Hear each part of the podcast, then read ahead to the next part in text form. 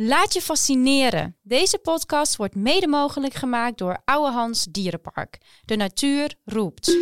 Hoi, ik ben Sterren, ecoloog en reptielendeskundige. Ik krijg regelmatig berichtjes van jullie met vragen over allerlei dieren. En daarom leek het me leuk om de podcast Sterrens Dierenencyclopedie te maken. Hierin krijg je antwoord op je vragen en leer je bizarre en bijzondere feitjes over de meest interessante dieren. Van vogelbeekdier tot naakte molrat en van kruispin tot hyena. Je hoort hun verhalen hier bij Sterrins Dierenencyclopedie. Mark, Sterren! daar zitten we in onze mooie studio aan onze tafel bij onze levensboom. Ja, die levensboom, hè? Hoeveel takken heeft hij wel niet? Hoe- Hoeveel, wat, hoeveel diersoorten zijn er eigenlijk? Oh, miljoenen. Miljoenen. Heel veel. En er worden er ook nog steeds meer ontdekt. Ja. Ja. kan je wel voorstellen. Zeker bij de kleinere dieren en zo. Insecten wordt heel veel ontdekt. Eh, maar ook bij reptielen gaat het heel hard. Dus elke dag komt er misschien wel een takje bij. Nou, het hoeft niet een hele volledige tak te zijn. Maar er kan wel inderdaad, bijvoorbeeld binnen een geslacht, binnen een groep... kan er dan weer een nieuw blaadje aan de boom komen. Ah. Ja, En zo groeit onze boom. onze maar boom door en door en door. groeien. Ja. cool hè? Ik ga er eentje afpakken, Ga je gang. een blaadje.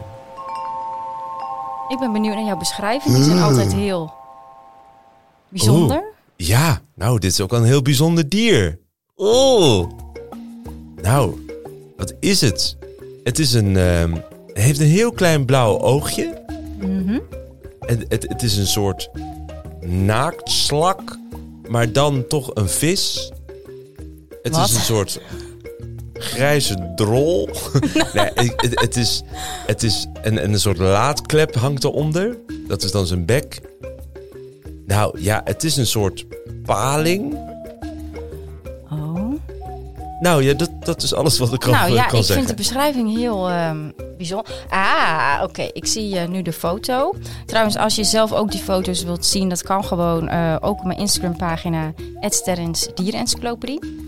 Ik heb het nu voor me en ik, eh, ik herken hem wel meteen, want ik ben echt fan. Oh, Ja, het is een sidderaal.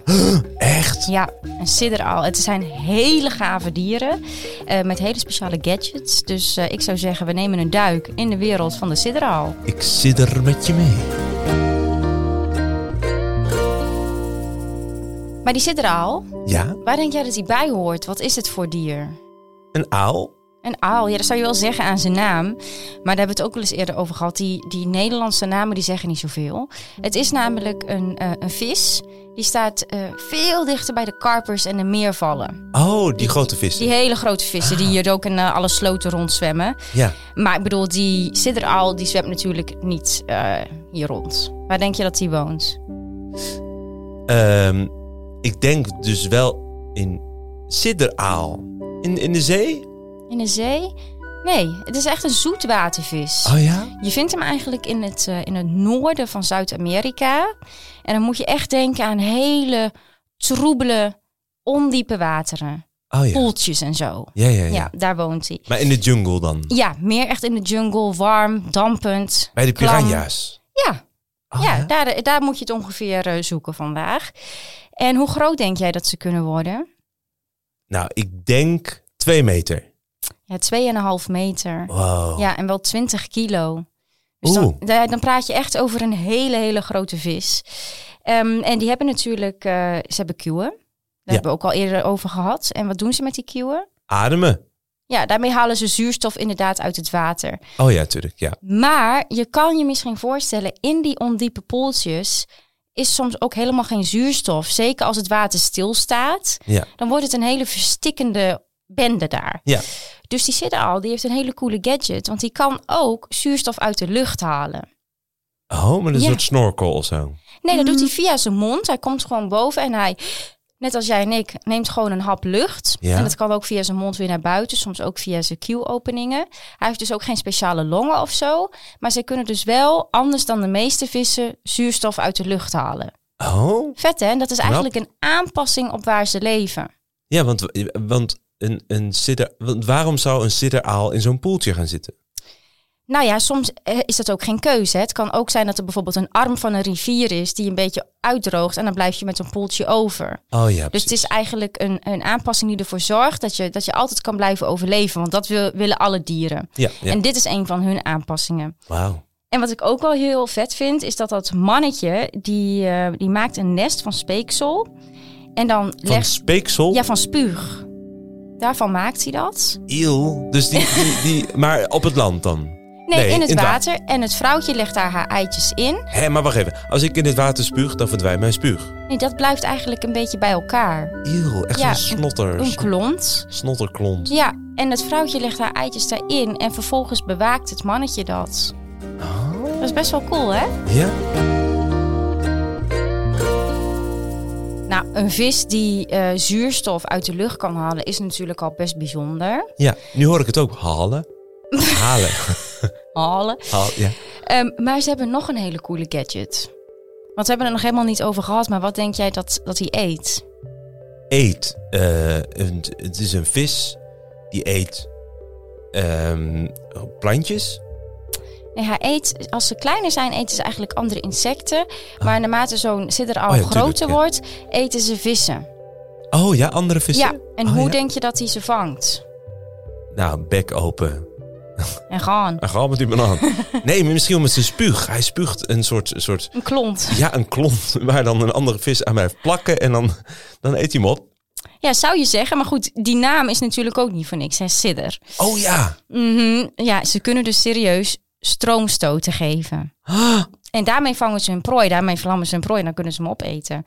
Dus ze zijn gewoon, ze kunnen gewoon elektriciteit maken. Hoe? Dat is toch bizar? Ja. Nou, die, die stroomstoten die maakt hij met zijn lichaam en die zijn echt wel heel sterk. Het is een beetje, iemand heeft het een keertje onderzocht, heel precies. Het is een beetje alsof je negen keer wordt getaserd met een stroomstootwapen. Dat zie je wel eens van de politie, toch? Van die stroomstootwapens. Ja, bij een boef die dan... eh, ja. ja, nou dat dan keer negen. Wow. Zo heftig. En wat er dan dus gebeurt, is dat zo'n prooi verlamt en dan kan hij hem makkelijk pakken. Maar dat is niet de enige reden waarom hij dat eh, doet. Weet je waarom hij nog meer die stroom gebruikt? Eh, nou, is een donker poel af en toe een lampje aanzetten? Nee, ik weet geen idee. Nou ja, wel een beetje hoor. Want Echt? Ze geven, die, hè, die grote schokken zijn bedoeld om prooi te vangen. Maar ze geven hele kleine schokjes om in dat donkere, troebele water, om toch nog een beetje te kunnen zien. Geven ze kleine schokjes en dat zegt heel veel over de omgeving natuurlijk. Ja. En ook om met elkaar te praten. Dus kleine schokjes kunnen ze afgeven. En dat zegt dan bijvoorbeeld iets over waar die is natuurlijk. Een soort morse. morse Een soort morsecode. Ja, Ja. misschien ke- kent de luisteraar dat niet. Maar dat zijn, ja, hoe leg je dat uit? Nou ja, dat deden ze vroeger. Als je dus eh, een taal... eh, ook, eh, nou ja, met, met rookwolken kun je ook dat je een grote wolk, kleine wolk, Ja. grote wolk, dat is dan gevaar. En je kunt dus door een, een morsecode, dus dus... Eh, eh, eh, eh, dus lang, lang, kort, kort, lang. Dat je daardoor eh, een soort boodschap Daarmee, dus, ja, echt een code. Dat hebben zij ook. Met lichtvonkjes, met, uh, Met stroomstootjes. Ja, ja. En daarmee kunnen ze bijvoorbeeld zeggen: hier ben ik. Maar ook of ze een vrouwtje zijn, of ze een mannetje zijn, over hoe groot ze zijn. En dat is natuurlijk wel chill. Want als jij in het donkere water zit en je moet eerst elkaar helemaal vinden om dan iets tegen elkaar te zeggen. Ja, je eens helemaal moet voelen wat je bent, dan kun je dat, gewoon... precies. Zij Ja. kunnen gewoon. tr- tr- tr- tr- nou, en dan weten zij: oh eh, ja, dat is Henkie en eh, hij is nu zo groot geworden. En eh, daar wil ik wel mee paren of niet. Ja, dan slaat de vonk over. Vet hè? Ja. Nou, de sidderaal. Een hele speciale vis. Ja. Trouwens, best wel leuk. Ehm, in Ouwehands Dierenpark hebben ze het allergrootste sidderaal-aquarium, zo lekker galgje wordt, ehm, van Europa. Echt? Ja, ik kom daar heel graag. Dat is echt een plek waar ik lang blijf stilstaan. Het is echt super gaaf. Het is een gigantisch groot aquarium en daar zie je ze zo... Ja, het is heel eh, mysterieus. Zie je ze zo door het water zwemmen. Ah, ik ga erheen, want ik wil vooral dat nest met dat, met dat slijm. Misschien spot je dat wel. hol. Ja. ja. ja, dus het zijn hartstikke leuke vissen. Ze hebben allemaal coole gadgets. Ja, nou ja, het is super handig. Je hoeft nooit op zoek te gaan naar een stopcontact om je telefoon op te laden. Precies. Je stopt hem gewoon in je neus. Je hebt altijd stroom bij je. Nou, dat was hem weer eh, voor deze keer. Vond je het leuk? Eh, vergeet je vooral niet te abonneren. Nee, en geef sterren sterretjes. Sterretjes vind ik hartstikke fijn. sterretjes. Sidderende sterretjes. Ehm, heb je nou een dier waar- je meer over wil weten? Laat het vooral eventjes weten via mijn Instagram, het Sterrensdierenencyclopedie. En dan zou ik zeggen, eh, blijf wild en tot de volgende.